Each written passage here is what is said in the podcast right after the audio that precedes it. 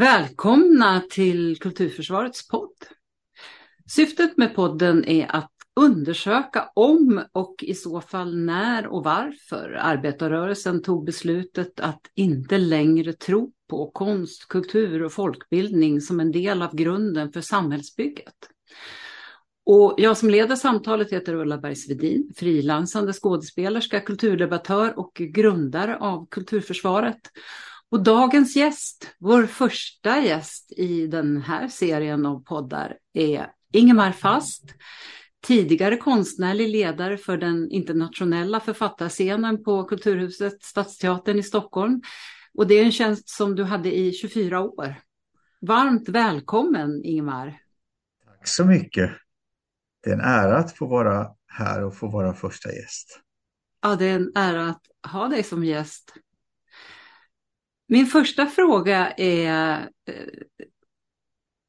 väldigt eh, komplicerad, ska jag vilja säga. Brukar de flesta tycka. Vem är Ingemar Fast? Ja, nu ska vi försöka sammanfatta det. Jag är en snart 65-årig man som en gång i tiden växte upp i en tämligen självmedveten småstad på det småländska höglandet. Det är en stolt och en smula snobbig stad och den heter Tranås. Mm. Där fanns, som man då tyckte, fin industri. Det fanns pälsindustri, möbelindustri, det fanns en mångfald frikyrkor. Där fanns ett intensivt idrottsliv och musikliv. Mm. Och jag hade två äldre bröder, sex, åtta år äldre, jag var ett sladdbarn. Jag hade en pappa som var polis och en mamma som var hemmafru tills hon lyckades slippa vara hemmafru när jag var tillräckligt gammal och hon kunde börja jobba i en bokhandel. Och därmed slöts cirkeln för henne för att som ung jobbade hon just i en bokhandel i sin hemstad i, i Småland, i Sävsjö. Jag var en, en ganska glad, lekande, eh, fantiserande och eh, sensibel pojke och jag läste ganska tidigt och då var min mamma som ledde in mig eh, på läsningen via en serie som hette Barndomslandet. Jag hade jag kom att växa upp, jag ägnade mig åt teater, mer åt teater än studierna under min gymnasietid eh, och jag hade vaga teatertankar. Men framförallt så Ulla, så ville jag som så många andra människor som växer upp i små städer så vill man bort ifrån det lilla. Och i mitt fall det lilla som jag tyckte småskurna. Mm. Den lilla småskurna staden. Det är som en klassiker den där, den där resan. Och jag sökte mig till Stockholm. Och jag kom att få jobb, inte för att studera alltså, utan för att arbeta. Jag kom och jobbade inom eh, Stockholms stadsbibliotek. Och det var på den tiden, det måste jag säga, det här var 1977, då jobbade jag ett år på, på sjukhus. Men sen gör jag bara så här att jag kliver över Sergels torg till ett stort hus i Sergels torg som då bara hette Kulturhuset. Stadsteatern var för sig. Och så går jag in och så ställer jag frågan, finns det något jobb här? Och då står det en, en riktig Stockholmsbön och spikar upp dikter på ett poesiplank. Och så säger de bara, ja det tror jag nog. Så, så började min biblioteksbana kan man säga. Så enkelt var det 1900, alltså det var 1978. Ja. Mm. Du, du, eh, det här barndomslandet som du pratade om, vad, vad mm. var det för något? Det var ungefär som motsvarande, om det är unga människor så känner de inte till, det fanns en serie som hette Min skattkammare och så fanns Barndomslandet. Det var en serie i flera delar med, det var liksom prosa och poesi. Och det var illustrationer. Det, det, var liksom en rik, det var som en, det var som en skattkammare av, av eh, lämpliga högläsningsstycken och sen när man började läsa så läste man själv. Allt ifrån kattresan och allt möjligt. Ah. Men det var verkligen att öppna en värld av, av läsande och som jag sa, min, min mamma som var en ständigt läsande person, hon var den som eh, satt med mig och så började jag ta in bokstäverna, meningarna, sammanhanget. Ja. Mm. Men du sjöng också? Ja, sen sjöng, sen sjöng jag. Jag, jag, jag eh, sjöng, jag kom att sjunga i, i gosskör och, och eh, eh, jag spelade fiol hellre än bra. Det var fas, fasansfulla år med allt fiolen. Eh, men sången tyckte jag väldigt mycket om. Och jag, det, var, det var också så att mina föräldrar var inte alls religiösa. Men det, min mamma hade en klockarkärlek för Frälsningsarmén och de slumsystrar som jobbade socialt. Och därför mm. skulle vi pojkar gå på Frälsningsarméns söndagsskola. Och då sjöng jag där och jag lärde mig bland annat efter skivan Simon Garfunkels El Condor Pasa. Så jag ah. stod där och vajade med överkroppen som tolvåring och sjöng, sjöng den för tanterna. Ah. Nej, men jag, sången, har, sången har varit viktig för mig också. Du, mm. du är fortfarande musikintresserad? Ja, jag tycker om att lyssna på musik och jag sjunger väldigt mycket bara för mig själv. Ja. Men jag har, liksom, jag, har, jag, har som, jag har som tonerna inom mig. Mer blir det inte. Ja. Du, du har också sagt att ditt klassmedvetande är en bas som håller dig mänsklig. Kan du utveckla det? Man kan ju säga med, med min bakgrund så kommer jag från en slags lägre medelklass. Min, båda mina föräldrar fick en utbildning som var sex år och sen var det nog med det. Mm. Och med åren har, har och det kanske de senaste 20 åren har, har mitt klassmedvetande stärkts och då ska en ju veta att jag, jag lever i en privilegierad kulturmiljö. Jag har haft en avundsvärd position. Eh, men det har aldrig varit, alltså mitt liv har varit tillfälligheternas spel. Det har aldrig varit min... Jag är inte intresserad av att blicka mot grädd, gräddhyllan. Jag är intresserad av att ha ett bra, ett, ett utvecklande arbete och man kan säga att om man jag är en både stark och tämligen eh, känslig människa. Och den känsligheten innebär för mig att se andra människor och deras livsbetingelser. För livet blir, blir helt enkelt så mycket rikare om klassmedvetandet hålls levande. För vreden över de orättvisor som vi kan betrakta både i i vår närhet och bortom landets gränser. Det får liksom aldrig övergå i en slags, vad ska vi säga, mätt och belåten glömska. Jag, mm. jag kan inte stänga öronen och jag kan inte sätta fetvad i, i, i eller jag kan inte stänga mina ögon och jag kan inte sätta en slags fetvad i öronen och sluta tänka. För det, det, jag tycker att om man inte är har ett klassmedvetande, eller i mitt fall, då slutar jag vara mänsklig. Och eh, mitt credo på något sätt har alltid varit FNs deklaration om de mänskliga rättigheterna. Men eh, det gäller också, tycker jag, när det gäller det med klassmedvetande och att hålla det vid liv. Då gäller det också att verkligen se och verkligen höra och verkligen ta in och inte väja för, dem, dem, eh, för detta faktum att det finns klasser och det finns människor som lever ja, liv som inte är värdiga. Nej, det finns ju någon slags föreställning som ofta hävdas idag i Sverige att, att, eh, att vi inte har någon arbetarklass längre. Och, och också i valrörelsen senast så talades det ju väldigt mycket om att målet skulle vara att alla skulle bli medelklass. Där har jag funderat väldigt mycket över vilka som då skulle utföra alla de sysslor som faktiskt arbetarklassen utför. Ja, och det, det där är... Jag, jag, kan svara så här. En gång, vi kommer säkert in på det senare, men, men en gång i tiden så var de här nyvaknade arbetarrörelsen bild, bildnings, alltså när bildningsförbunden kan vi säga, mm. när de skapades så var det för att dels att man skulle få möjlighet att resa sig ur sin klass, mm. men också att känna en förbannad stolthet över sin klass och att inom sin klass också bilda sig och, och få kraft att förändra. Mm. Det här bisarra att alla ska bli medelklass, ja, vad, då vill jag fråga, vad innebär det? Vad är mm. det för, är det, handlar det bara om, om plånboken eller vad handlar det om för värderingar? Mm. Vad handlar det om för syn på människan överhuvudtaget? Mm. Ja. Jo, men jag, blir irrit, jag blir provocerad. Jo, men precis den där sort sorteringsmekanismen som eh, verkar, ver ver verkar som om den är inbyggd nu i, i alla fall i regeringsförklaringen. Och det är intressant när man säger att alla ska bli medelklass. Samtidigt så ser vi, vi är omgivna i de större städerna i alla fall, av prekariatet på sina cyklar och mopeder med mm. nedböjt huvud som ska lotsa, lotsa varm mat till oss mätta och belåtna i medelklassen. Ja. Ska de också bli medelklass? Ja. När de inte ens får vettiga, får slita, facket sliter för att de ska få någon form av vettiga avtal. Ja. Eller ska de bara tillhöra en, en glömd klass och en gömd klass och en undanskuffad klass som bara är en ren servicefunktion och sen kan dela på en torftig bostad i förorten?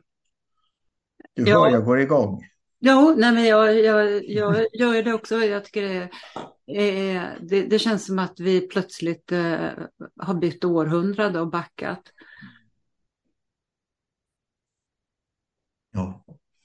Du, du var ju inne på det att du eh, var i Stockholm. Då jobbade du som biblioteksassistent på Bokbuss. Ja. Vad betydde det för dina framtida val? Det var underbart. Det var mm. underbart att, att, att jobba på Bokbuss. Och det var bokbussar. Det fanns två bussar för eh, som, och de, de, är alltså nedlagda nu sedan flera år tillbaka i, i Stockholm. Det var en del av Stockholms stadsbibliotek. Men det här att dels att lära sig ett, ett biblioteks, bibliotekarieyrket liksom underifrån när man börjar som assistent. Att vara del av en arbetsgrupp och framförallt att få arbeta på en biblioteksverksamhet där man kör rakt in i människors hemtrakter, rakt in i deras vardag. Mm. Och sen var det för mig ett, som utböling var det för mig ett oerhört bra sätt och effektivt sätt att lära mig staden och dess omgivningar. Vad, du vet, vad visste jag om ett ställe som heter Flysta eller Nälsta eller Kälvesta? Och på vissa ställen så var det, då var det liksom eh, barn som klev på på dagen. Eh, på andra ställen så var det bara, bara pensionärer som stormade fram och nästan slog ner varandra, skämt åsido, när de skulle fram till deckarhyllan. För det var det som gällde, mod och blod och så såg man gott på det. och så var det en blandning. Och så var det ju väldigt, jag var ju assistent, jag satt längst ner, men jag fick också, man fick liksom, um, man lärde sig det här med att människor kom och visste inte vad de skulle läsa. Och det var ett begränsat urval, men det var ändå så att även jag som assistent fick hjälpa till och, och tipsa om böcker. Ja. Så jag tycker att det var en, en, det var en så demokratisk form av biblioteksservice. För man hade räknat ut att de här platserna de hade ett visst antal kilometer till närmaste biblioteksfilial och då skulle de givetvis få den här servicen. Ja. Mm. Du, du började mm. väl där eh, i det arbetet eh, samla på dig kunskap om hur man eh, tipsar människor om vilka böcker de ska läsa. Ja. Hur, hur, eh, hur, hur, hur går det till så att säga? Det som är bra att vara, vara på, jobba på bibliotek är att då, då förde man ju så att säga på, på böckerna. Man fick nya böcker så att och man eh, gjorde i ordning dem för utlån. Och det, det gjorde ju att man får som bibliotekarie en fantastisk kunskap som är ganska grund men oerhört, den är yteffektiv. Aha. Man läser givetvis, men man känner till och på det sättet så har man en sån bank att ösa ur när man ska tipsa om böcker. Så att det gällde att fråga vad de hade läst tidigare, vad de gillade, vad, de, ja, vad man intresserar sig för. Och sen så var det bara att plocka fram ett antal förslag och eh, så gick de förhoppningsvis hem med några böcker och sen så ville man gärna förhöra sig när, när de kom tillbaka vad de då tyckte. Och tyckte de bra om, om roman X, ja då kunde man tipsa om något annat som var liknande. Eller, eller om man, ännu roligare är ju just om det är någon som bara läser en viss genre, till exempel deckare. Men, men prova, med det här, prova det här istället. Det är också, det, det är också den här romanen har ett driv i sig som du kommer att tycka om, tror jag. Istället för att läsa, bara läsa deckare. Jag, jag, kan tänka mig också att eh, man, man, får lära sig att tala med olika människor på olika sätt för att ja. sälja in varan så att säga. Ja, allt ifrån barn till, till eh, vuxna människor som är oerhört belästa. Men är man intresserad av människor, tycker man det är roligt med mänsklig interaktion, stimuleras man av det, då är också den typen av eh, undersökande och intervjuer väldigt roligt att, att, att göra, att genomföra. Ja, ja, jag kan tänka mig att det kan bli väldigt roliga samtal om, ja. man lyckas, eh, om, om, man lyckas få kontakt så att säga. Ja. Du har berättat för mig att när du arbetade på ett bibliotek i Haninge så mm hade du ett starkt möte med en pojke på en yrkeslinje på gymnasiet som du bär med dig. Kan du berätta vad som hände? Det stämmer och då var det så här att efter att ha jobbat på biblioteket ett antal år och läst lite engelska på universitetet så visst tänkte jag jag måste, jag måste utbilda mig. Och då blev det bibliotekarie och när jag var klar så kom jag till Haninge kommun och där var jag under några få men väldigt stimulerande år gymnasiebibliotekarie. Och där ingick i, i arbetsuppgifterna att gå med bokvagn att bokprata. Man rasslade iväg med bokvagnar längs korridorerna. Men det här var också en, man gjorde också en klassresa. Från de byggnaderna där de teoretiska linjerna eh, höll till till yrkeslinjerna, de tvååriga linjerna. Och då gick man över den där asfalten. Och då rörde man sig verkligen från nästan från en klass till en annan kan jag säga. Och jag var hos, en, hos några, det var yrkes, ja, yrkestekniska, en yrkesteknisk linje och jag har med mina böcker och jag vet att eh, jag skulle ta med mig böcker som var lättlästa. Jag möter ett gäng grabbar, jag minns inga tjejer. De hade mössan nere och de, hade, de var ganska fulla med snus under läppen, många av dem. Och de tittade ner också. De var ganska fåordiga och jag började prata. Och jag har med mig de här som sagt lättlästa böckerna. Och det kommer fram en kille och han får låna en bok som heter Benny Boxaren av Max Lundgren det var liksom en väldigt bra, en fin berättelse som var skrivet på ett enklare språk. Det var en del av en serie om denne Benny. Jag lånade den och sen så några veckor senare kom jag tillbaka och de ska väl prata lite grann. Nej, de pratade inte så mycket förresten. De, de, de lämnade tillbaka sina böcker och skulle låna nytt. Och då kommer den där grabben fram. Och så tittar han under lugg och så säger han till mig med låg röst. Det här var den första bok jag någonsin läst finns det en till likadan. Exakt så säger han. Och då är det som att jag blir alldeles het i huvudet och tiden stannar jag tänker att en dörr har liksom öppnats till en värld som han inte visste att han kunde få tillgång till, om jag kan uttrycka det så. Ja. Och jag har aldrig glömt den upplevelsen.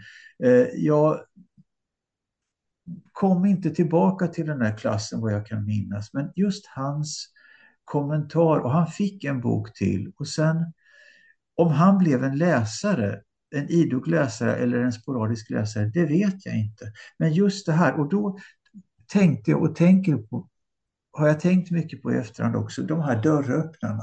När det gäller att få människor till exempel intresserade av läsning eller kultur överhuvudtaget. Mm. Hur, hur viktiga de är. Ja, det, eh, det, det, kan ju, det kan ju ha betytt otroligt mycket. Ja, och så var det en berättelse som också var meningsfull. Ja. ja. Och svarade mot någonting hos honom. Ja. Och det svarade mot, på något sätt svarade mot ett dolt behov tror jag. Ja. Han visste inte att han hade det behovet av att, av att uh, läsa. Och då kan man ju blicka framåt och fundera på åt vilket håll vi har gått och går. Och så. Men det, ja. Jo, men precis. Man kan, man kan ju inte heller, man, man, man, man kan inte bara prata om att ja, man ska få det man, det man frågar efter, det man vill ha. Man måste ju också erbjudas. Ja. Så att man förstår vad, vad man kan fråga efter. Ja. Och sen var han mottaglig. Mm. Och det tror jag människor är i regel mottagliga. Eh, så att, men vi lever samtidigt i en tid där den, jag suckar lite, den omedelbara behovstillfredsställelsen förgiftar oss och jag är hårdare. Jag tycker att den gör det med våra mobiler och allt som ryms i mobilerna och att vi, vår tid äts upp av destruktiva krafter i allt för hög grad. Ja. Jag är hård och kall som ett metallrör. ja, jo precis. Det, du, eh, du, du har ju talat mycket om det, om eh, mm. behovet av mötesplatser som fanns mm. redan före pandemin och ännu mer efter. Och du har ju talat om det här med att du ser med oro på behovet av omedelbar behovstillfredsställelse som mobilen skapar. Eh, kan du, du kan ju utveckla lite mer vad du tänker om det. Men jag, jag, jag, man kan svara på två sätt, men man kan säga så att man kan börja med Sverige. Sverige har liksom alltid varit ett, eller är ett, sedan länge ett ingenjörsland. Vi är hela, vi är rena och vi är rationella och vi är väldigt tekniktillgängliga. Vi ligger ständigt i framkant. Men vad, vad händer liksom med näringstillförseln till den kulturella människan när vi hela tiden, när vi i så stor utsträckning ägnar oss åt det efemära på något sätt som, som mobilen ofta, ofta är. Jag säger inte att när, vi sitter, när jag sitter på tunnelbanan, man sitter på bussen, spårvagn, man ser människor som stirrar ner. Det finns de som läser säkert i mobilen. Eh, men det finns också många av oss som bara scrollar och hoppar och jag är själv en av dem. För jag tror att man måste, den, den människan ska uppmuntras att vara en reflekterande människa också. Eh, och om man tänker att man läser i mobilen så finns det ett annat sätt att läsa och det är att läsa en text, en tryckt text. Mm. Där, du, där du möter, om man tänker på den skönlitterära texten, så är det så att du om vi skjuter ljudboken åt sidan för tillfället så är det så att du möter en text och du är medskapande. Mm. Du skapar bilder. Du, du eh, får tankar. Du kan gå tillbaka i texten. Du kan stryka för om du är så eh, jädrans ambitiös. Men det är ett levande möte. Eh, och jag tror att det där är oerhört viktigt för vår för vår själ. Och det handlar överhuvudtaget så undrar jag vad vi gör för vår själ och vad makthavare och politiker och andra gör för att uppmuntra den. Vår själs näringstillförsel, tillväxt helt enkelt. Du får gärna... Det är väl också så att man har, har kommit fram till att om man, om man antecknar med penna mm. så minns man lättare inte för att man ska lära sig utan till och så, men att man, kan, att man tar till sig lättare vad det är man, man, man, man lär sig så att säga. Ja, och precis som att man lär sig, man kommer ihåg bättre när man läser en text jämfört med när man hör den. Därför att mm. en, en ljudbok, det är jättebra att ljudböckerna finns. Jag har ja. ingenting, jag är inte sådär en mörkermänniska på det sättet. Det är kanonbra helt enkelt. Fast man ska inte säga kanon i dessa hemska krigstider. Det är väldigt bra, ska man säga. Uh, men, men samtidigt så är det så att där är det ju en människa som tolkar texten till åt dig. Ja. Det är så, det är en uppläsare.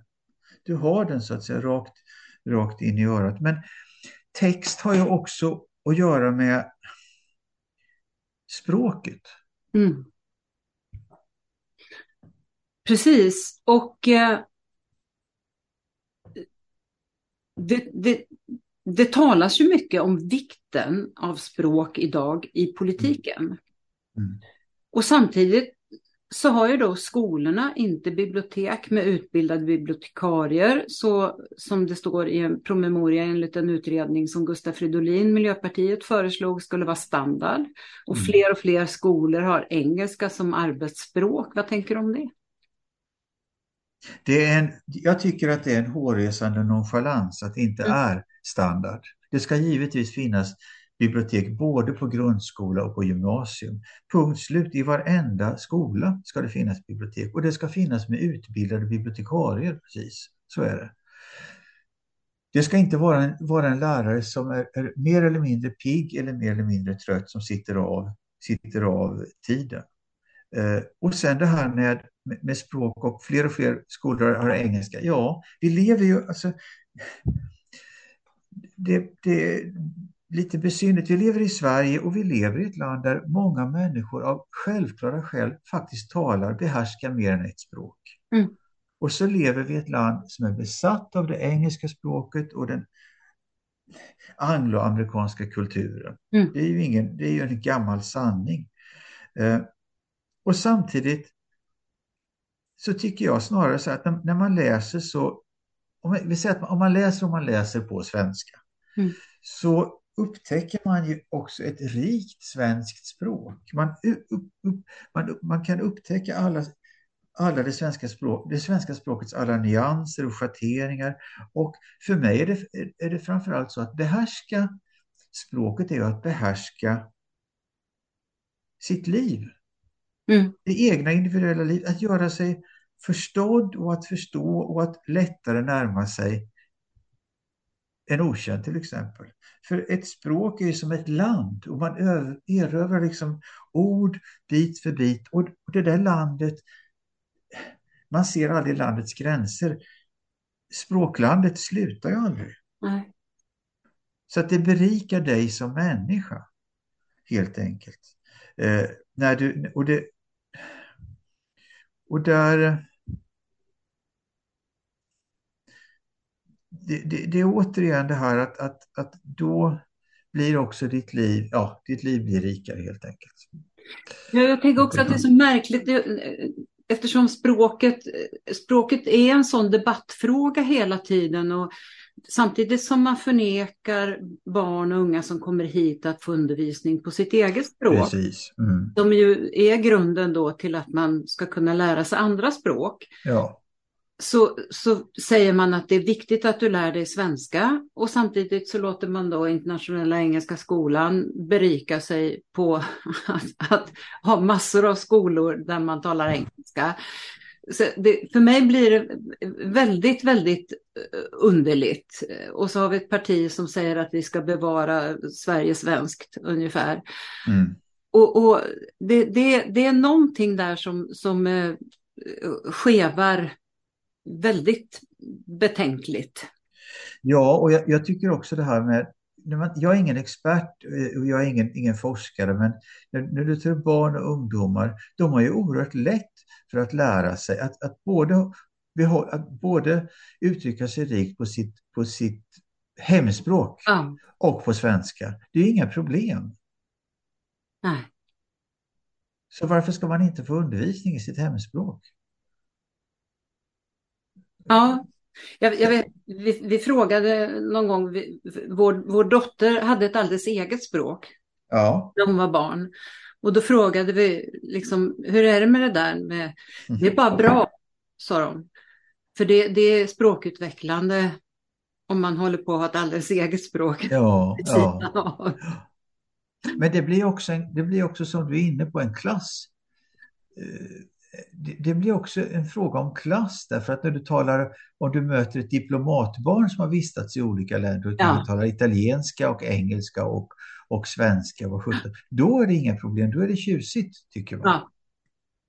Ja, det är ju meriterande överhuvudtaget. Ja, visst, visst det är ju det. det, är det. Så att det, det, finns något, det finns också något eh, hycklande men också djupt inhumant tycker jag. Ja, precis. Och sen eh, när man tänker tillbaka eh, till vår koloniala historia med, eh, med, med vår urbefolkning då som, mm. som sattes i nomadskola och tvingades att tala svenska så blir det ju ännu värre. Mm, mm. Jag, ska, jag, ska, berätta en, en, en anekdot för dig. Mm. Eh, slår du mig nu? Jag satt, jag satt på tunnelbanan och då satt det fyra, fyra eh, tjejer bredvid mig, yngre tjejer, de hade resväskor och sådär. Eh, fyra svarta tjejer. Och sen så pratade de och så började de prata norska. Ja. Och då, då, jag, nu när jag är en gammal farbror så börjar jag prata så väldigt ofta och fritt med människor. Alltså jag, jag pratar med främlingar vill jag säga. Så ja. Och då frågade jag liksom, hej, hej, har ni varit i, har ni, för de pratade om att de tyckte så mycket om Stockholm och då säger jag, jag älskar Oslo. Så började jag prata med dem och skratta. Så frågade jag, var kommer ni ifrån? Och då kom de ifrån, de här fyra tjejerna kommer ifrån tre olika afrikanska länder. Ha. Och så hade de, hade de liksom norskan som, som sitt gemensamma språk så att säga. Och så kunde de hoppa lite grann. Men bara det där, det där underbara mötet att man har också att man har flera kulturer i sig. Ah. Och man rör sig obehindrat mellan kulturerna. Ah. Det tycker jag var så, det var ett sånt underbart kort möte och så önskade vi varandra lycka till och de vinkade och jag vinkade. Det, var så, det gjorde mig så glad. Ah. Får jag fråga, Ja. prat, pratade ni någon litteratur då? Nej, det hann vi inte för det Nej. var bara mellan kanske tre, tre stationer. Utan, utan det var mer att, att och när de, jag har glömt vilka tre länder de kom ifrån. Men det var, och sen med denna, vet, med denna underbara norska också. Ah. Och sån, det var en sån oerhört eh, uppfriskande kontrast. Ah.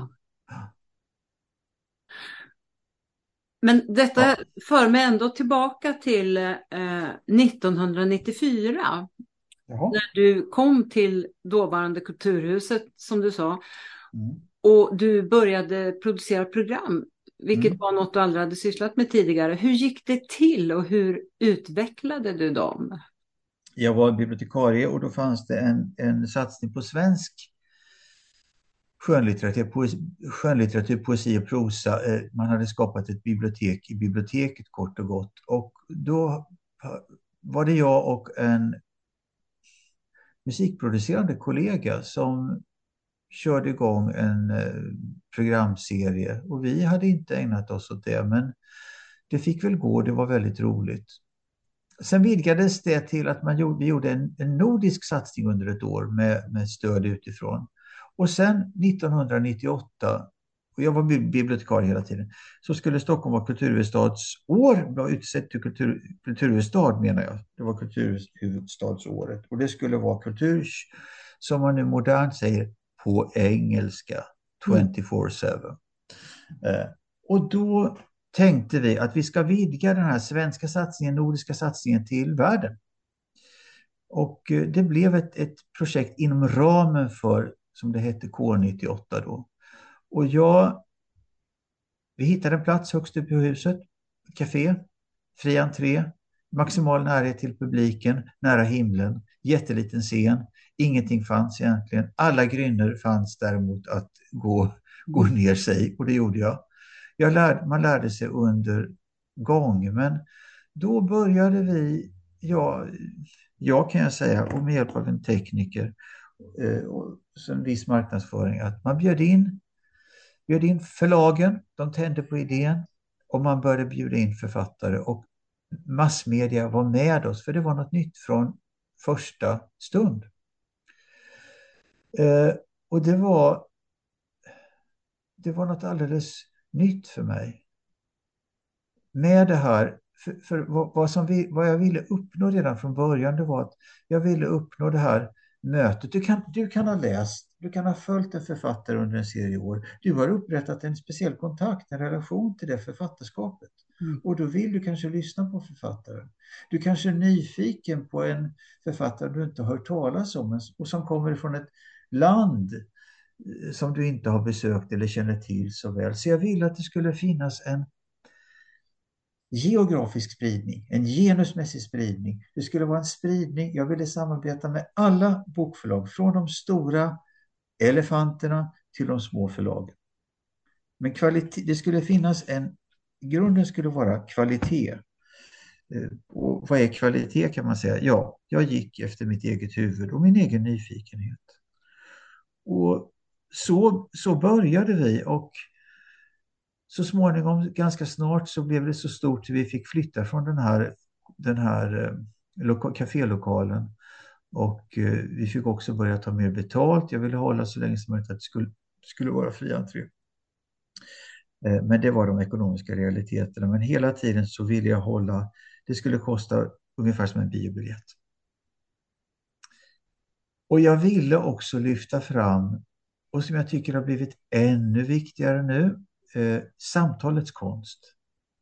För det byggde på samtalet. Det byggde på att författ, inbjudna författaren och kulturjournalisten, eh, litteraturkritiken, de var inkapslade i en ljuskägla. De var inkapslade i ett samtal, men samtidigt så fanns vi i publiken och vi var nära. Och de kunde höra våra reaktioner, de hörde vår gemensamma andning. Jag ville ha väldigt tydligt ett brott mellan scen och för jag ville att de skulle känna sig bekväma. Det där var en, en, bara en liten detalj. Men det där med samtalet lärde jag mig väldigt snabbt att det är verkligen, det är en svår konst. Mm.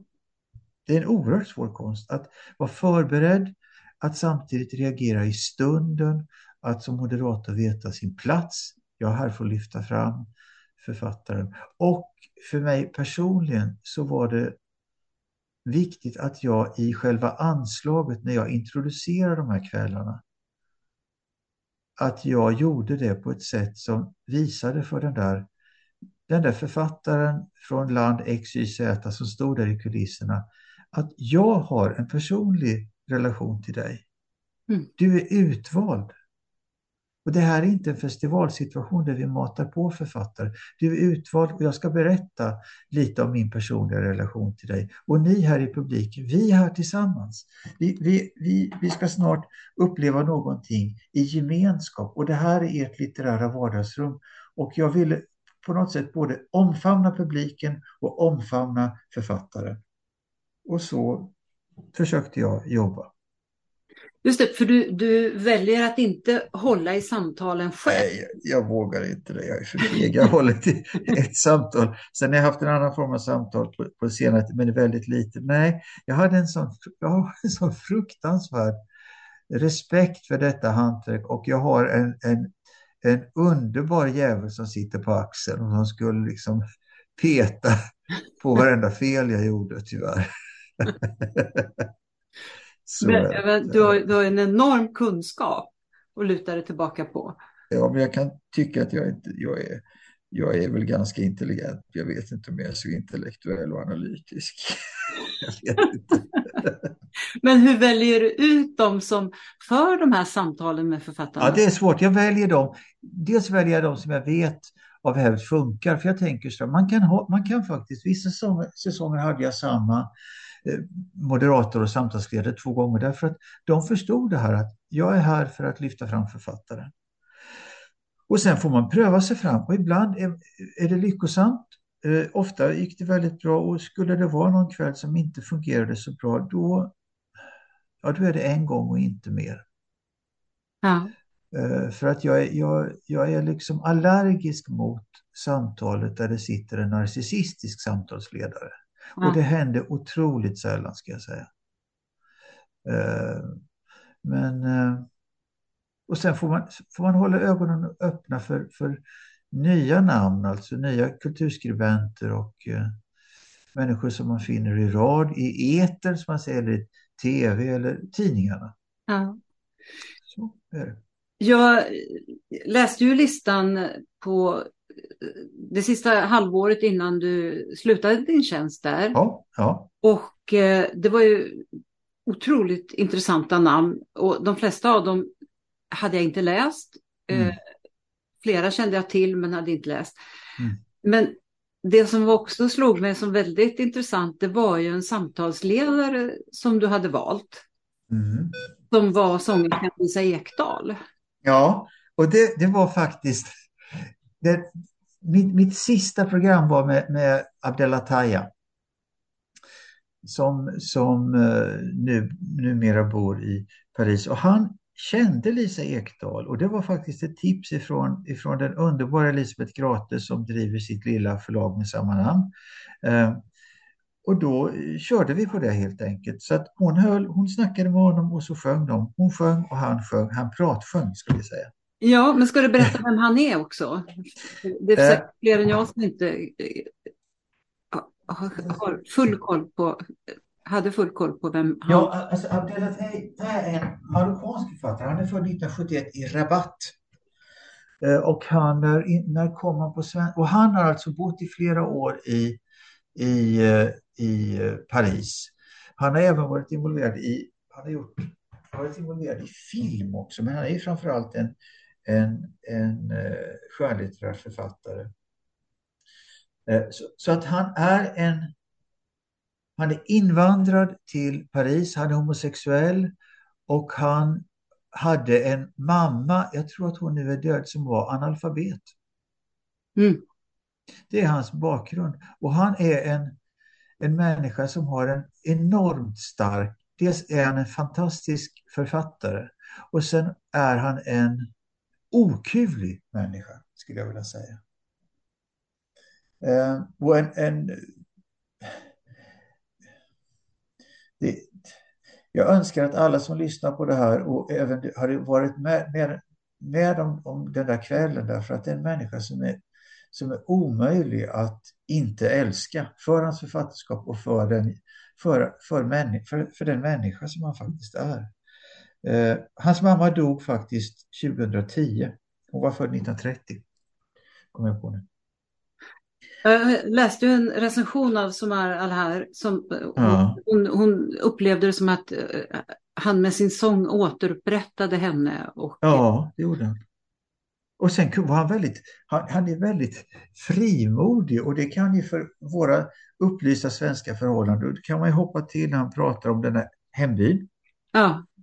Och om de här alltså prostituerade kvinnorna ja. som i byn var, de var hjältinnor.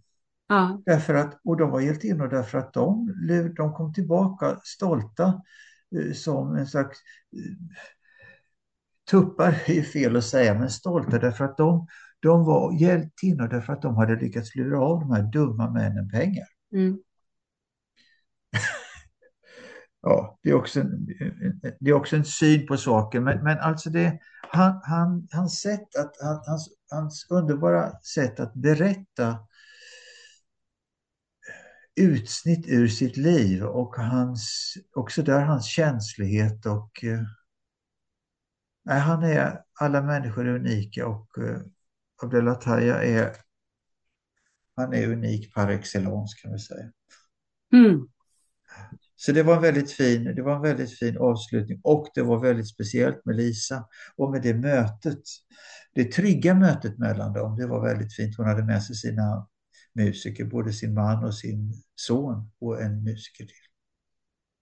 Ja, det lät, eh, ja. det lät ju som ett, eh, ett samtal man hade velat och Abdella är också kan jag säga, ett, det är flera författare som återkommit under åren och han är en av dem som återkom. Det var andra gången han var var här. Och det är också fint när man återser dessa författare från, från när och, och fjärran.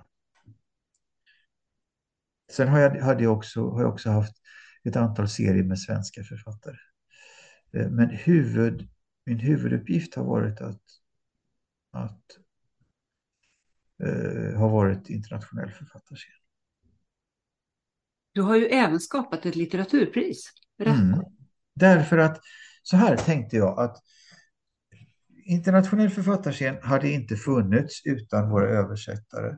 Och, vad, och hur hade det litterära, litterära landskapet överhuvudtaget sett ut i vårt land? Ja, vi har underbara svenska författare men för övrigt så hade det varit en öken om man inte behärskar ett annat språk just. Eh, så att då tänkte jag att jag vill skapa ett litteraturpris som ska belöna ett framstående skönlitterärt verk, roman eller novellsamling i berömvärd svensk översättning. Och sen var det min önskan, första året kunde inte det uppfyllas, men min önskan uppfylldes andra året att man har en prissumma som delas rakt av mellan författare och översättare. Och så tänkte jag också sådär att vi måste få press på det här, så då inbjöd jag jag inbjöd eh, till jury så skulle det vara representanter från ett antal eh, dagstidningar. Och så körde vi igång med ett juryarbete och så fick, man, fick förlagen nominera och eh, första året, det här var väl 90, eller 2016 menar jag, det, det, var ganska roligt. Då fick den polska författaren Olga Tokarczuk som sen några år senare fick ett annat ganska stort pris. Mm. Då fick hon priset tillsammans med Jan-Henrik Svan för den närmare tusensidiga romanen Ett oerhört läsäventyr. Också tryfferat med så mycket humor som heter Jakobsböckerna. Mm. Och då kom Olga med sin man och hon var redan då pressad av den polska reaktionära regimen. Och det var som att andas liksom frisk luft de där dagarna hon var i, i, i Stockholm. Och sen måste jag säga att priset hade betydelse då, men det hade också en väldig betydelse när vi några år senare belönade den norska författaren Ingvild H. Rishöj. Hon kom ut på ett nystartat förlag, jag tror att det var deras andra utgivning, med tre noveller som kallades, hette vinternoveller. Tre tunna noveller som utspelar sig i skuggan av det nyrika Norge, nyrika, ja, Mm. nyrika Norge. Och det betydde, det priset betydde att hon fick, hjälpte till i högsta grad att, att, att öppna dörr, vad ska vi säga, det priset innebar att hon fick uppmärksamhet, extra mycket uppmärksamhet i Sverige.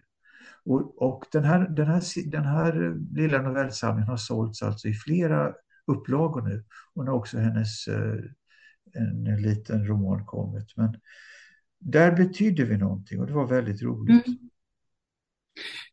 Eh, Som du säger så lyfter du översättarna då. Och Mm. de är väl verkligen avgörande för om en text ska förstås på rätt sätt. Så vad är det som utmärker en god översättare? Att du nästan inte märker att det är en översättning, att den är sömlös, svarar jag Mm. snabbt. Det är egentligen så. Men sen, sen om, man, om man tänker vidare eh, så, så är det ju så att man kan häpna över hur vissa översättare överhuvudtaget har klarat sin uppgift. Man kan, man kan ju tänka på, för att göra exemplet enkelt så kan man ju tänka på när Sara Lidmans Järnbarnesvit, den måtte ha översatts till några språk. Mm. Hur katten översätter man dialekter? Mm. Och inte bara dialekter. Jag minns eh, Anthony Burgess, salig åminnelse, gav ut en stor roman som heter Jordiska makter. Det här var innan min tid, innan prisets tid och så vidare, innan författarsinnens tid. Han hade, upp, han hade uppfunnit egna ord. Ja. fanns inte orden. Då skulle, skulle Kaj Lundgren som översättare försöka överföra dessa påhittade ord till svenska. Det är Ja. också en utmaning. ja, verkligen. Ja. Så att, så att, och, och, och det, som är, det som är fint är att nu lever vi i ett land i ett, förlags, i ett förlagsklimat, i ett förlagslandskap som är så fyllt också nu av små och medelstora förlag som tar sig an författare ifrån språkområden bortom England och USA. Mm. Eh, så ja, när man talar ibland om, nu, nu, man har talat under i branschen så där om att är det, är det en förlagskris? Jag ser inte alls någon förlagskris. Det är en kris att, att, att färre, du, böcker trycks i färre upplagor, det är färre. Det är väl kanske så att, ja så är det i alla fall. Förr kunde man sälja i större upplagor, man kunde leva mer på sitt författarskap. Men samtidigt så är det en, en väldig rikedom när man tittar på på den mängd förlag som ger, ger ut och som inte tjänar särskilt mycket pengar på sin utgivning. Men de brinner för varje enskild titel skulle jag vilja säga. Nog måste det väl vara så att fler läser böcker av författare från länder Eh, så att säga, utanför den sfären som du pratade om tidigare nu än vad det var för 30, 40, 50 år sedan. Ja, det tror, det tror jag. Sen kan man säga för 30, 40, 50 år sedan så kunde det vara frans, till exempel franskspråkiga författare som sålde i ganska höga upplagor. Men nu är det så där att små förlag är inte beroende av att man ska sälja i stora upplagor. De har inte de stora på det sättet, de stora lagerkostnaderna och så vidare. Så man kan ge ut mer till en lägre kostnad, anar jag mig till helt enkelt. Ja. Och på det sättet så sprids också, ja det, det blir en spännvidd, det blir en, en rikedom i utgivningen. Du var ju inne på att det betydde mycket för den här norska författaren, eh, Ja. Den, den verksamheten. Eh, men när du slutade din tjänst i våras så hyllades ju du i press och media och förstås av kollegor och av den litterära sfären för din gärning. Eh, Men du fick också ett tack från den brittiske författaren och manusförfattaren Ian McEwan. Ja. Hur, hur, hur, hur, hur var det? Det var roligt kan vi säga. då, då kan jag säga, folk, vet, folk som de, de brukar säga, när man, de, så var det när jag jobbade också, eh, att Åh, du känner så många författare. Och då svarar jag att nej, men det gör jag inte. Författarna kommer hit, jag snuddar vid dem. Och sen åker de vidare och sen förhoppningsvis så kommer de tillbaka. Ja. Men Ian McEwan är, är, är, kanske en av de som ändå känner att han är lite av en vän. Några har blivit verkligen vänner.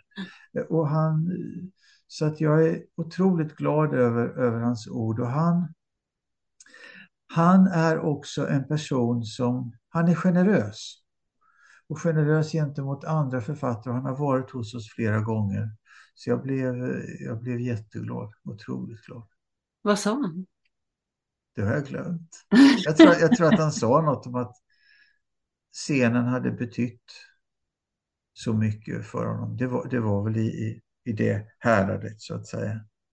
Um, jag hade honom förstår när vi fyllde 20, firade 20-årsjubileum. Det var fantastiskt en vecka. Varenda, det var fem, fem program den, den kvällen och då ville jag sätta samman eh, författare med varandra. Och den apropå Turkiet, den turkiska författaren Asle Erdogan som tvingades bort ifrån sitt land. Hon hade mm. blivit fängslad annars. Jag visste att hon var en beundrare av Ian McEwan för han har också varit engagerad i PEN. Så att då frågade jag igen, vill du, vill du prata med Asle när hon kommer till Sverige? Ja, det gör jag. Och det var så, det var en sån,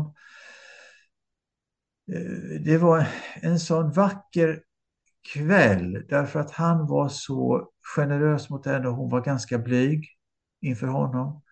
Men han, hans liksom uppbackning av henne och hennes författarskap och hennes prekära situation, det var, det var, det var ett väldigt, det var ett, ett möte som, som jag inte glömmer. Mm. Så är det. Så är det. Mm. Men eh, det var, när jag slutade då efter 24 år i, i, slutet av maj, då, då var det liksom alldeles lagom och då var det också, tänkte man också, eller jag tänkte också, att nu är det dags att lämna över och nu gör, nu blev det två personer som tar över, nu gör ni precis som ni vill och jag är, jag har gjort vad jag kunnat utifrån den människa jag är. Så har jag gjort så gott jag kunnat. Och mitt liv har varit som sagt en serie tillfälligheter som för många av oss. Och det var en tillfällighet att jag hamnade där jag hamnade. Och eh, ja, nu var det dags att vända blicken till exempel mot Småland istället. Mot en, en mindre plats. Precis. För eh, du sa ju då när du slutade att mm. eh, i intervjuer där att du skulle starta en ny verksamhet med författarbesök i Bodafors i Småland. Jo. Kan du berätta om bakgrunden till det och vad, vad du redan har hunnit göra? Jag läste i den här SJ-tidningen eh, om något som heter Kulturgatan i Bodafors. Mm. Och det, var, det var alltså en gata som hade utställningsverksamhet, de hade bageri, en intarsia-verkstad mm. som var återöppnad. Och så kom jag dit eh, och så står jag där på den här gatan och tar del av verksamheten i denna nedslitna, lite orten, inte orten som Gud glömde, men det var Fordom en, Fordom, en väldigt stolt industriort. Där fanns Skandinaviens största möbelverk, möbelfabrik, mm. möbeltillverkning. Svenska möbelfabrikerna AB. A, B och C-fabriken fanns där och hela samhället som numera tillhör Nässjö kommun. Det var ju uppbyggt, det var ju små egna hem som, som arbetare och tjänstemän hade byggt. Och sen på 70-talet går det i putten och vad händer? Samhället vacklar stillsamt och bitvis våldsamt. Då kommer de här och då tänker jag när jag står på den här gatan och som sagt har sett utställning och den höjd som de har att det är ju inte klokt men här skulle man också kunna ha en författarscen. Då var jag fortfarande anställd på Kulturhuset Stadsteater och föreslår en författarscen Bodafors. Och då råkar det vara så att där finns den var inte intagen och där fanns denna stora B-fabrik kvar. Den stod där i slyskogen och höll på att rasa ner i samma skog. Mm. Men man får e-bidrag, lägga om 1000 kvadratmeter tak, Man lyckas göra i ordning ett rum på bottenvåningen, lägga in nytt grangolv och sen är det ganska rått. Och så tänkte jag att nu bjuder jag in, nu bjuder jag in författare och då ska vi ta författare som är tämligen väl kända så ska vi sätta den här scenen. Mm. För man, jag visste inte hur stort intresset var egentligen. Så att jag, tänkte också, jag tänkte också att nu är det väl en sanning med modifikation det där med första gästen som jag tänkte nu ska vi få gubbar att komma också. För det är ju faktiskt ändå så att det är ni kvinnor mm. som är till stor del, det är ni som bär upp kulturen till stor del. Mm. Och då är det en utmaning att få den där andra gruppen eh, med skäggväxt att komma. och då bjöd jag in Jan Guillou och han tackade ja. Han behövde inget betalt, sa han. De ville bo bra, de betalade sitt eget boende. Han kom, han hade, bytt han hade brutit lårbenshalsen, var det väl lårbenet en månad innan. Eh, kommer resande sex timmar, står upp, det är fullt. Det är en blandning av män och kvinnor, olika åldrar. Och det är, det är så fantastiskt. Och du vet att jag, mina föräldrar kommer från Sävsjö som är en kort bit ifrån Bodafors. Jag, jag har hus i, utanför Tranås som är en timmes väg ifrån Bodafors. Cirkeln sluts och när jag, när jag står där och hör denna småländska som vi inte talade i Tranås, men som man talar där. Det händer någonting med mig. Det, det, jag vill inte säga att jag kommer hem och blir helt, men jag blir tagen helt enkelt ja. av det. Och att man gör någonting, inte i Stockholm, inte ja. i myllret av kulturaktiviteter eh, och kulturimpulser, utan där. De, ja.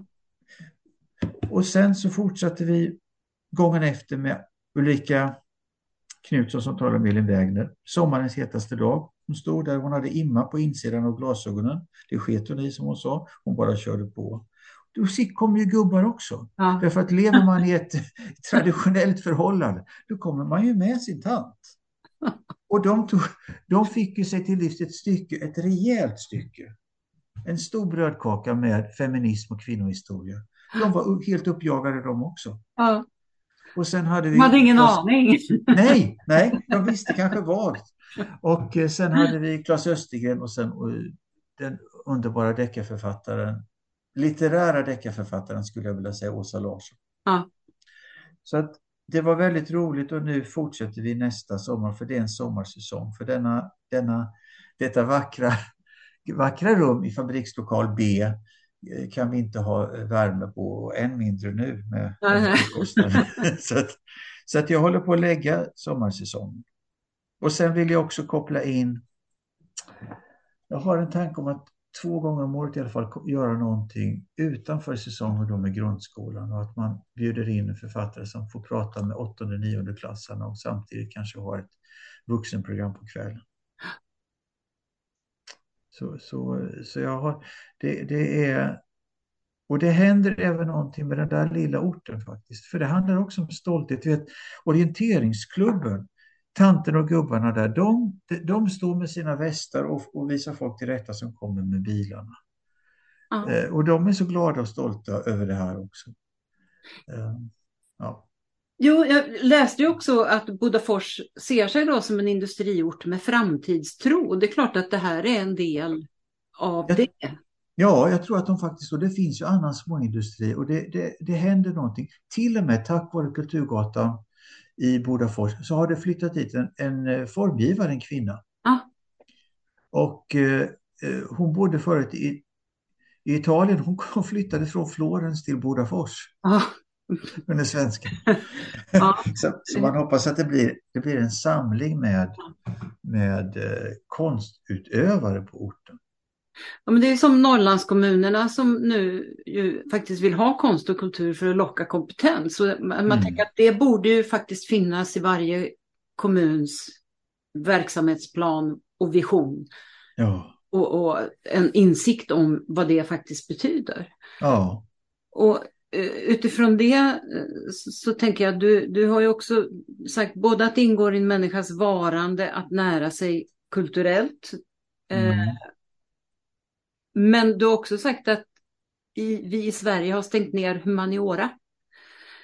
Och då tänker jag, hur menar du att det tar sig uttryck och vilka beslut tror du har lett till det? Jag, jag tänker åter på Sverige som ingenjörslandet där man glömmer själen, men det är faktiskt också så. Vad ska man göra, apropå det här med bildning och humaniora? Det är ju makthavarna, det är våra politiker. Om de inte är intresserade av att vårda sin själ, om de inte är kulturellt intresserade, mm. eh, utan att det bara handlar om de hårda värdena, så att säga. Mm. Eh, det är klart att de inte ger de medel till förskola, till skola, till, till skolbibliotek, till gymnasiebibliotek, till, till gymnasieskolor som behövs. Mm. Det är klart att man skär ner på humaniora-ämnena också. Mm. Uh, det, det, det, det, allt, allt det där hänger ihop därför att om, om du läser den ena, och det gäller inte bara för, företagsledare, det, det, utan läser den ena intervjun efter den andra med styrande, mm. politiska makthavare. Vad, vad ägnar de sig åt på fritiden? Vad har de för kulturella referenser? Mm. Hinner de bara läsa promemorior? Det kan de väl inte göra? Ja, vad gör de då? Vad gör de på sin fritid? Jag ska, jag ska ge dig, det här är ett sidospår, men jag måste bara ge dig det här Ulla. Mm som jag tycker är intressant. Skellefteå, eh, Skellefteå tillhör den här svenska eh, hockeyligan, alltså eliten, ishockeylaget där. Mm. De har, en, de har en kapten. För jag tänker också på det här med dörröppnare och förebilder. De har en kapten som är, heter Oskar Möller. Han är fyrabarnspappa, han är 33 år. Han har alltså fyra barn, det är en liten knatte som alla är små. Han, har, han är gift, så här, så här säger han, jag ska läsa det här högt. Mm. Han säger så här att barnen gillar att läsa. De läser mycket böcker. Jag och Liam läser Harry Potter nu, Liam och en av hans söner. Vi har det upplägget att vi läser en bok och sedan ser vi den filmen. Sedan är det nästa bok och nästa film. Det är vår grej tillsammans och jag blir så inne i det själv. Det är väldigt spännande och jag har svårt att släppa det. Med tjejerna läser jag andra böcker och gosar ner mig med dem.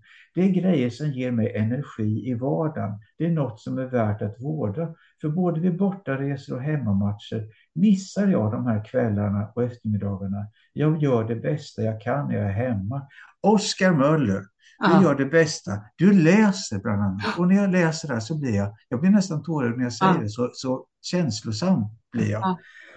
Han, han är en, en vanlig snubbe som har förstått det här. Ja, absolut. Och så, man vill ju gärna också ofta eh, sätta idrott mot eh, konstruktion. Precis, precis. En gång i tiden hade jag Stefan Holm för att han var, hade en blogg och han skrev om sin läsning. Så att då la jag, ställde jag på golvet, han fick prata med Eva Bäckman, 70 titlar som han hade skrivit om på sin blogg.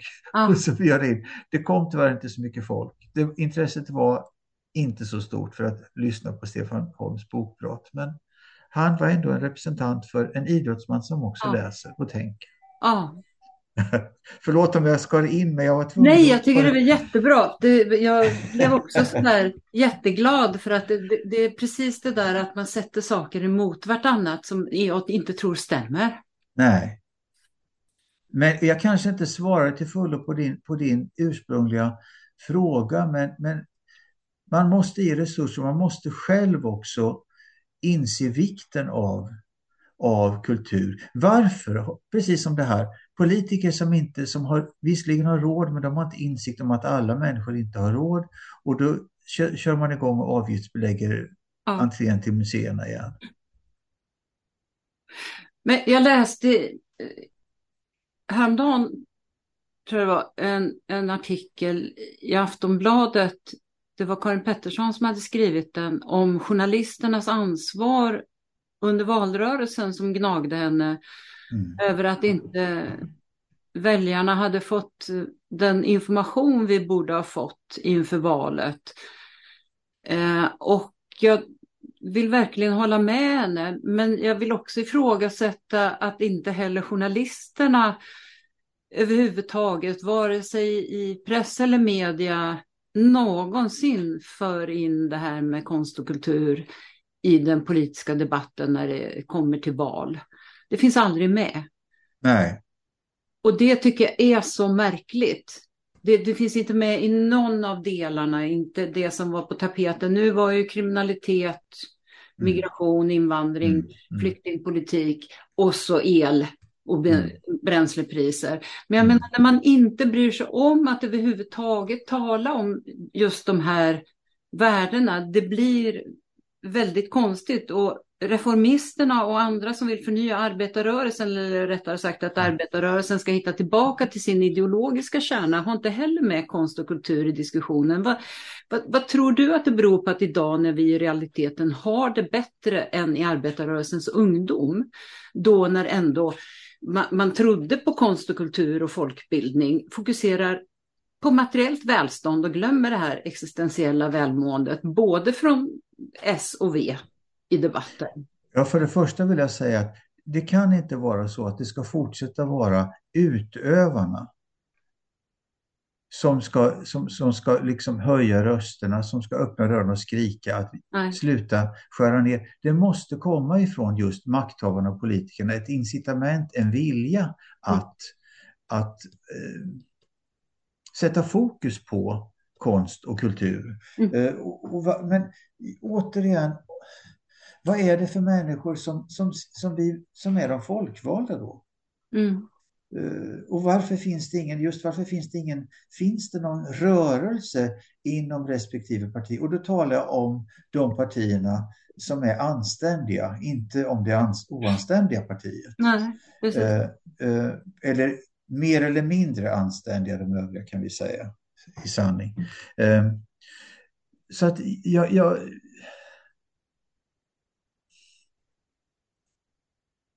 det, jag vill inte bli uppgiven, jag är inte uppgiven, men jag vet inte, kanske man måste man börja i det lilla igen, alltså på mikronivå.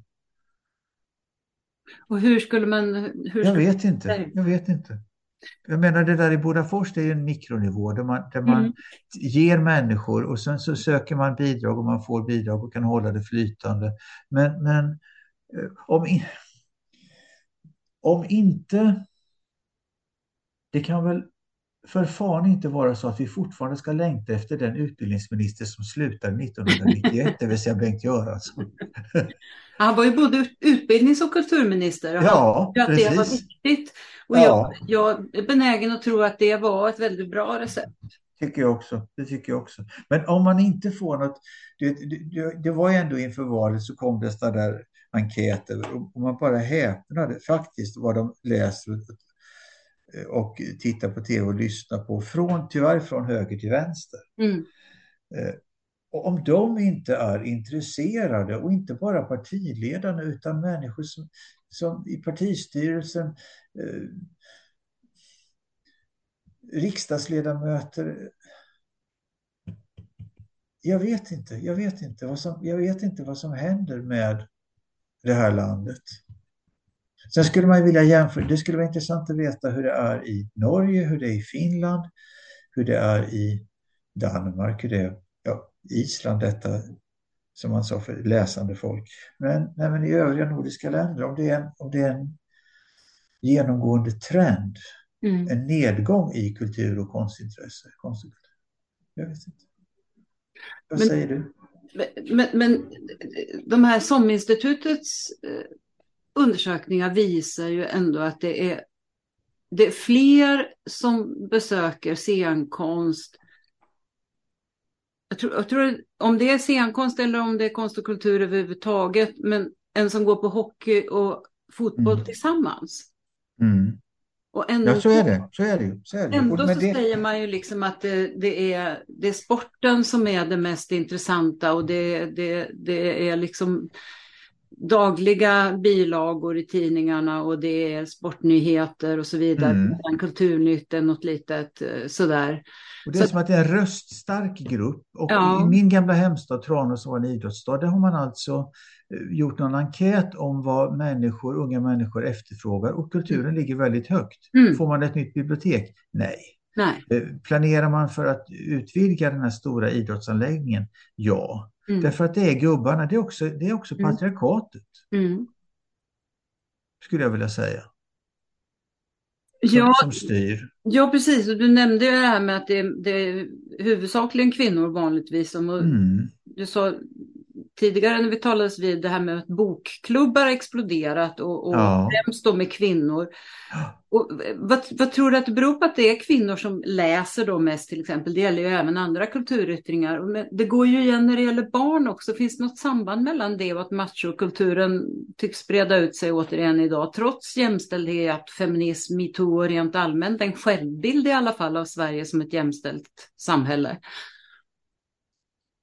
Ja, det där, men det skulle vara intressant om fler män skapade bokklubbar, för de är ofta enkönade. Jag, mm. jag har aldrig hört talas om en bokklubb som är, som är med både män och kvinnor.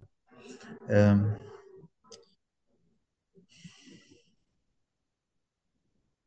ja, vad är det?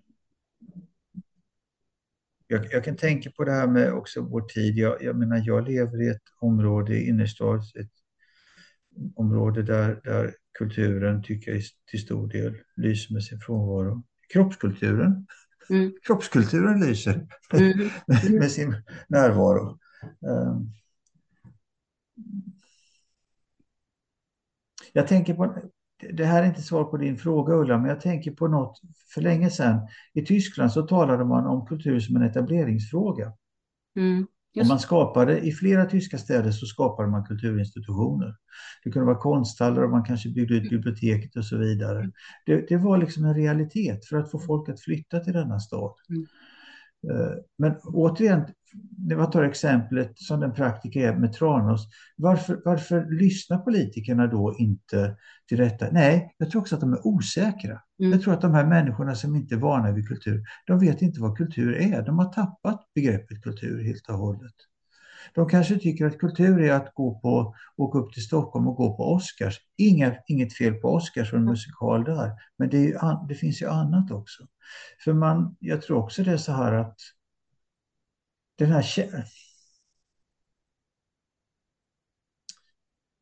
om man tänker på teater som du har ägnat åt och, jag som kommer från en liten stad, Riksteatern, när de kom så gick man, inte man och huset, men man gick även om det inte var en kändis i en av rollerna. Mm.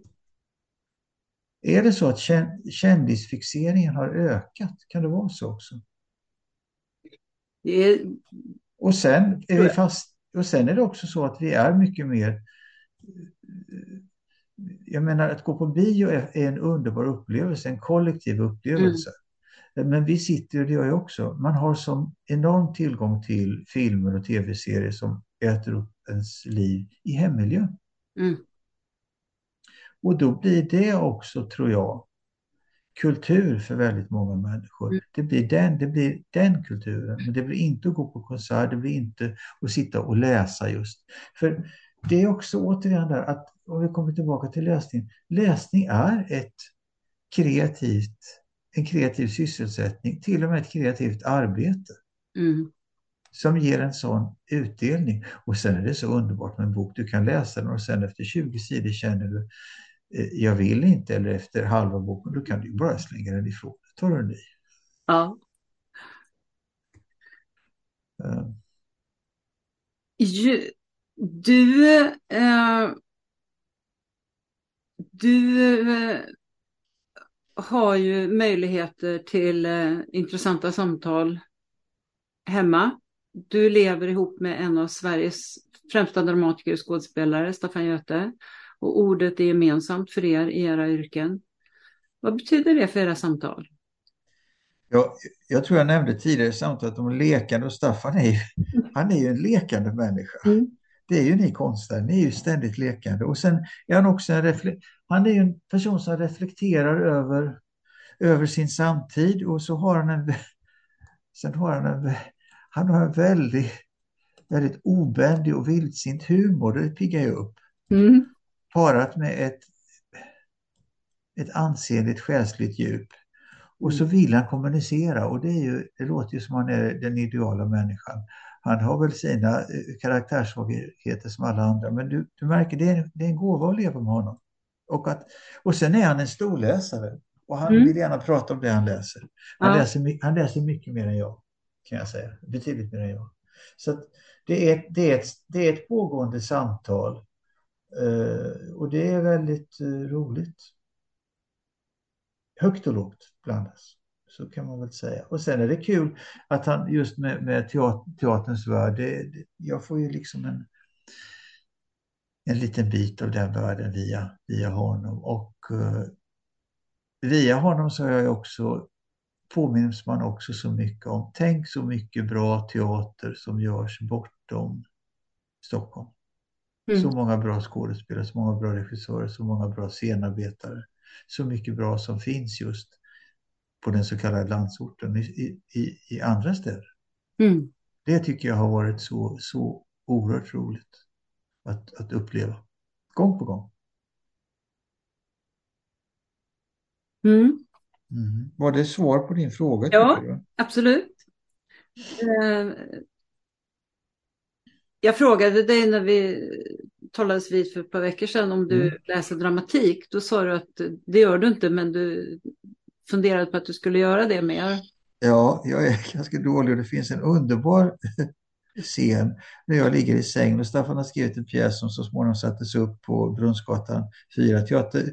Kristina Lunds, Allan Edwalls teater som blev Kristina ja. Lunds och sen Martina Montelius. Och då ligger jag och läser den pjäsen lite förstrött och sömnig och tänker men det här, eh, det här är väl lite glest. Det brukar, det brukar Staffan ta upp som, som ett skäl till att jag ska, jag ska nog inte läsa dramatik. Och det var verkligen så. Jag förstod inte storheten i det där glesa. Hur ska du någonsin kunna hamna på en scen? Ja, det blir rätt bra sen jag såg. Men jag ska skärpa mig. Det, är lätt, jag menar, det, det vore kul att börja läsa mer dramatik. Det är lätt, det är lätt att ta sig an Tjechov till exempel. Ja. Men det, det, finns så mycket annan, annan dramatik. Både dramatik och jag vill också jag vill också börja läsa, apropå Lund, mer lyrik. Mm. För jag har läst väldigt lite lyrik i mitt liv. Läser du lyrik, Ulla? Ja, jo men det ja. händer. Framför, framförallt så tyckte jag väldigt mycket om det när jag gick i skolan. För det var ju det man fick läsa i skolan. Ja. På, på lektioner. Mm. Det är sant. Men, men man måste ju, jag tänker på det här samtalet och så, det, det, det, finns ju ändå hopp. Det finns hela, det finns ju, Sverige överallt i Sverige så finns det ju eldsjälar. Precis som det var två eldsjälar som startade Kulturgatan i Bodafors. Mm. Eh, så finns det eldsjälar som just jobbar på, det, på mikronivån, så att säga, på den lokala nivån. Och som jobbar med kultur, som brinner för kulturen. Och eh, det finns ju ändå så många exempel på, på arbetarspel, på festivaler, på den här festivalen i Dalsland, en litteraturfestival. Nu ska vi köra igång också i Höganäs, eh, en festival där. Så att jag, jag hyser stort hopp ändå om kulturens överlevnad, fortlevnad och utveckling. Men man måste sätta tummen, en, en, en rejäl tumme i, rakt i ögat på allt för många politiker och maktörer. Och ja. vänstern måste begå självkritik. Eller hur? Ja, och det är, de måste begå en jävla självkritik och i grunden. För att jag tycker också när man, när Socialdemokraterna, nu, nu, nu tänker man på, man, man analyserar valet och det gör alla partier och vänstern och så. Var finns kulturen där? Mm. Analyserar, ni, analyserar ni dess frånvaro. Vår, ja. Är man rädd för att förlora väljare om man talar om, om tar upp kulturfrågorna på allvar?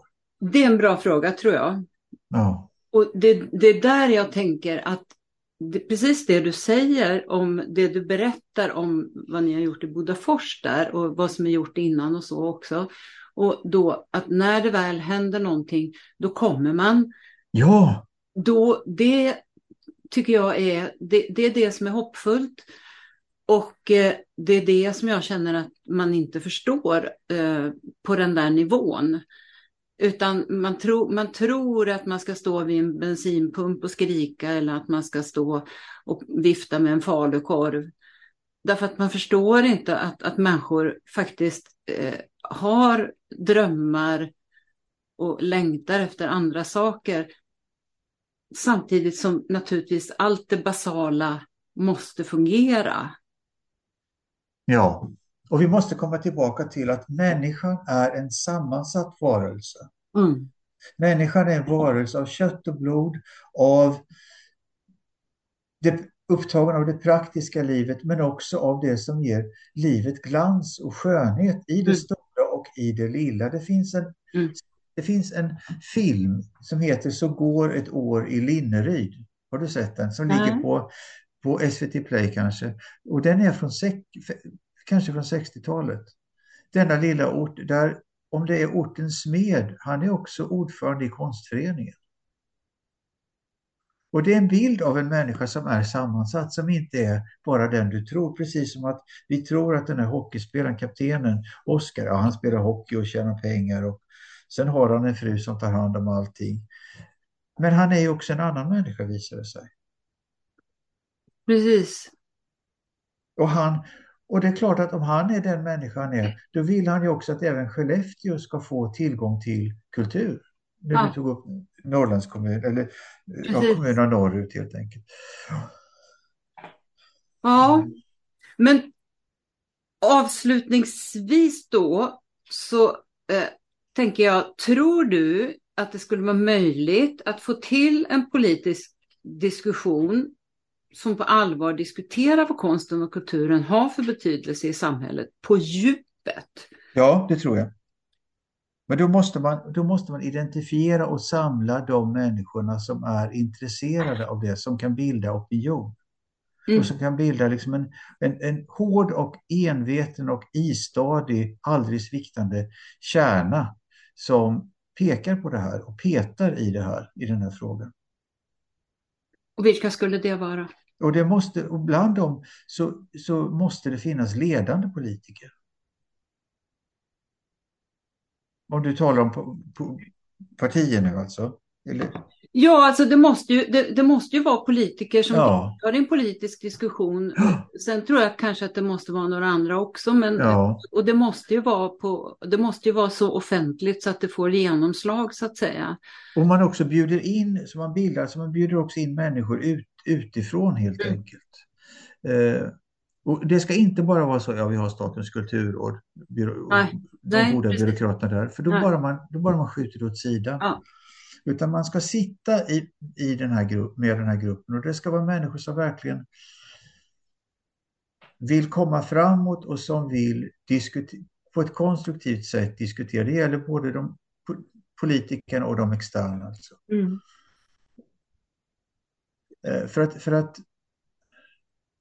jag satt, jag vill inte att vi ska bli, för att det är också det här med vår moderna tid. Jag är ledsen att jag målar form på väggen där. Men när vi inte lyfter blicken från våra mobiler, då ser vi heller inte våra medmänniskor. Och då blir vi stillsamt omänskliga, Mm. avhumaniserade. Mm. Det, jag tror verkligen det. Mm. Och eh, häromsistens så satt jag bara, bara för ett par dagar sedan satt jag på tunnelbanan. Det är en jättevanlig syn. Det sitter en liten pojke med sin pappa och pojken tittar ut och pratar med sin pappa. Och pappan sitter och svarar enstavigt och tittar ner i sin mobil. Pojken vill kommunicera med sin pappa. Mm. Och det där tillhör, det är, det är allt för vanligt. Mm. Men, men det är... Jag längtar inte tillbaka till den gamla bakelittelefonen, men någonting, någonting är också... Det är fara och färde också. Det ska vi vara uppmärksamma på. Ja, precis. Och eh, nej, men eh, vi får Mm. försöka jobba på det här. En, en hel kväll i SVT där vi enbart på olika sätt talar om konsten och kulturen och dess eh, betydelse för samhälle och människa. Men din podd, Kulturförsvarets podd, det du ägnar åt, det är också, det är också en, en, ett vapen i kampen så att säga. Nu är vi där, vi ska inte ha det här krigsförlåt. Nej. Jo, precis. Jo, det var någon som frågade mig varför det heter Kulturförsvaret. Jag sa att det, Ja, det är just det försvaret, jag tänkte faktiskt Det- inte på. det- det, det, det är väl helt enkelt så. Det kan man faktiskt använda utan vidare. Vi, be, vi behö, det behöver försvaras. Ja, det är inte kontaminerat på något sätt. Jag tycker att det är fantastiskt att du, att du gör denna podd och ägnar så mycket tid åt den och så mycket omsorg. Och det är Mm. fantastiskt att det är så många som eh, ger av sin tid för mm. att medverka. Och stort mm. tack Ingemar för att du ville medverka och vara min första gäst i den här nya serien. Och jag hoppas att du har fått ut någonting av detta surr och detta svammel från denna gamla vita kulturgubbe. Absolut. Fint. Tack så hemskt mycket. Stort tack. Tack.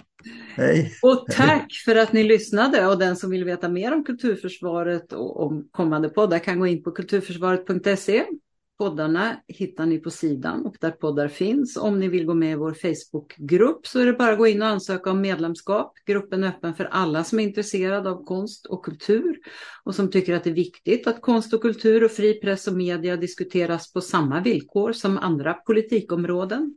Tack och på återhörande!